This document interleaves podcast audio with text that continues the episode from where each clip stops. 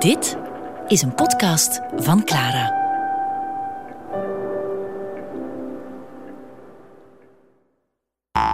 Rubens. Een portret aan de hand van schilderijen, tekeningen, brieven en plaatsen.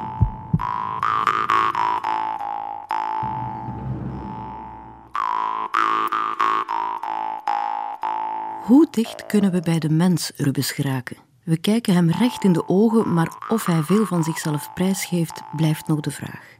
We staan met Bert Watteo van het Rubinianum voor het onlangs gerestaureerde zelfportret in het Rubenshuis. Op dit portret kijkt ons vrij minzaam en sympathiek aan. Hij draagt de typerende grote breedgerande zwarte hoed, een eenvoudig donker uh, doublet en hij heeft ook een even eenvoudige witte kraag op. Over wie Rubens was kunnen we weinig uit het portret afleiden, maar het feit dat er maar vier zelfportretten zijn, vertelt ons toch wel iets over die man. Hij was uh, vrij bescheiden, of althans vals bescheiden. Was zeker een, een pose. Hè. Hij was ook een, een, diplomaat. Het was niet iemand die uh, in de spotlight wou staan of zeer opvallende kledij ging dragen. Het is iemand die wou opgaan in zijn omgeving en, en als een chameleon eigenlijk overal kon uh, functioneren. Misschien leren we Rubens beter kennen via zijn huisgenoten. Op 3 oktober 1609 trouwde Rubens met Isabella Brand. En ze was geen slechte partij. Zij is een uh, meisje van 18 jaar op dat moment en een telg uit een familie van belangrijke administratoren in de stad Antwerpen. Haar vader, uh, Jan Brand, is een machtige figuur in het bestuur van de stad en die hele familie heeft eigenlijk tentakels in de Antwerpse hogere echelons. Strategisch was het huwelijk een goede zet. Maar klikte het ook tussen Pieter Paul en Isabella? Als we afgaan op de portretten die Rubens van haar schilderde, was het zeker een goed huwelijk.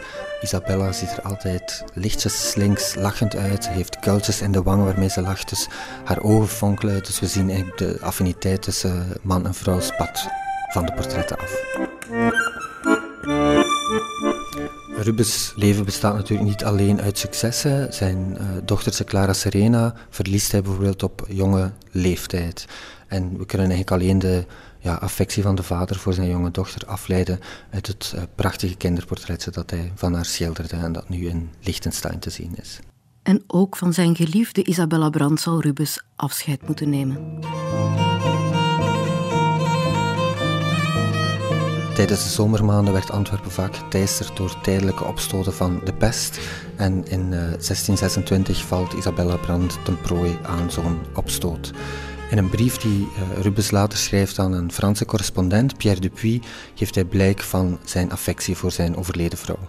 Het is eigenlijk een van de zeldzame momenten waarop we Rubens zonder reserve, zonder stoïcijns masker uh, te zien en te lezen krijgen.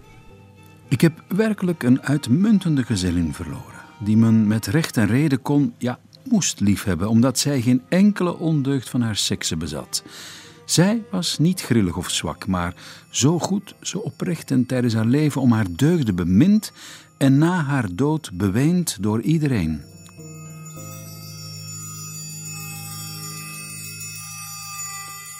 Rubens bleef achter met twee zoontjes, Albert en Nicolaas. Al gauw moest Rubens de zorg voor hen een tijd lang overlaten aan vrienden en familie in Antwerpen. Na de dood van Isabella Brandt in 1626 stort Rubens eigenlijk echt op zijn werk, zowel uh, kunst als zijn diplomatieke activiteiten. En daarvoor moet hij lange periodes in het buitenland zijn. En zo schrijft hij bijvoorbeeld vanuit Madrid een brief die druipt van het heimwee uh, naar huis, waarin hij ook schrijft: Zorg goed voor mijn kleine lieve Albert, Albertulum meum, schrijft hij in een soort aandoenlijk Latijn. Zeker voor Albert voelde hij heel veel affiniteit. Albert was een, uh, een studiehoofd, iemand die zich verdiepte ook in de klassieke oudheid en die dus echt uh, heel dicht aansluiting vond bij de interesses van zijn vader. Vier jaar na de dood van Isabella hertrouwde de 53-jarige Rubens met de bloedmooie Helena Fourmont, een meisje van 16 jaar. In een brief aan de Franse geleerde Nicolas Claude Fabry de Perez vertelt Rubens waarom hij voor Helena koos. Ik koos een jonge vrouw uit een fatsoenlijke, zij burgerlijke familie, hoewel iedereen mij wilde aanraden een edelvrouw te nemen. Maar ik vreesde de hoogmoed, de algemene kwaal van de adel, vooral in die sekse. En daarom beviel mij een die niet zou blozen wanneer ze mij mijn penselen zag nemen. Om eerlijk te zijn, leek het mij hard om de kostbare schat van de vrijheid te verliezen in ruil voor de omhelzingen van een oude vrouw. Helena Vermont komt uit uh, een familie van zijdehandelaars die ook tot het Antwerpse patriciaat uh, behoorden en die allerlei financiële interesses hadden in dat mercantiele uh, landschap. Dus opnieuw trouwde hij toch in zekere zin een dame van stand. Helena bloosde niet als Rubens haar schilderde en hij deed dat bijna zonder ophouden.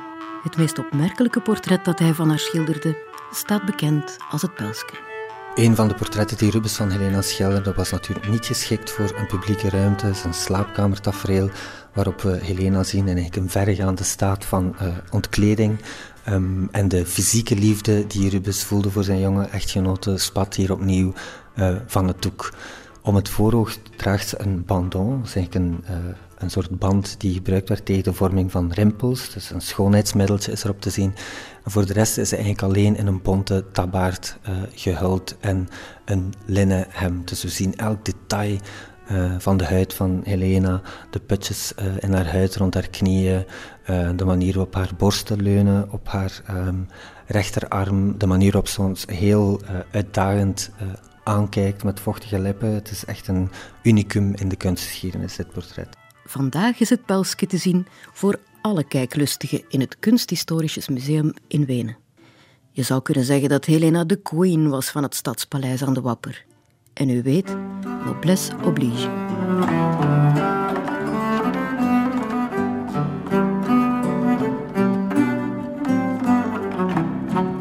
Wat zich hier afspeelde aan de Wapper was natuurlijk niet uh, een gewoon huishouden. Dit was eigenlijk bijna een semi-aristocratische hofhouding. Dus we moeten ons een grote drukte voorstellen, waarbij niet alleen Rubens zelf, zijn echtgenoten, de kinderen aanwezig waren, maar ook een heel deel uh, leerjongens die in het atelier actief waren, assistenten, medewerkers uh, en ook een legertje personeel.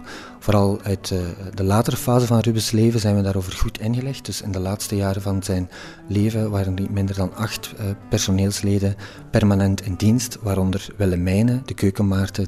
Zij werd geassisteerd door twee andere meiden, Anneke en Adriënke, door een huisknecht en tafeldekker, kunnen we als een butler interpreteren, die Jan heette. Er waren twee tuinmannen, Willem en uh, Jasper, die onder andere voor de sinaasappelbomen konden zorgen. Er was een koetsier, Jan, en iemand die in het uh, atelier heel actief was, was François, de pigmentwrijver. Het was zijn taak om uh, de verf klaar te maken, om pigmenten te vermalen, om olie toe te voegen. Dus hij is ja, impliciet in die werk aanwezig. Volgende keer nemen we een kijkje in het atelier van Rubens, waar onder andere François de pigmentvrijver rondliep.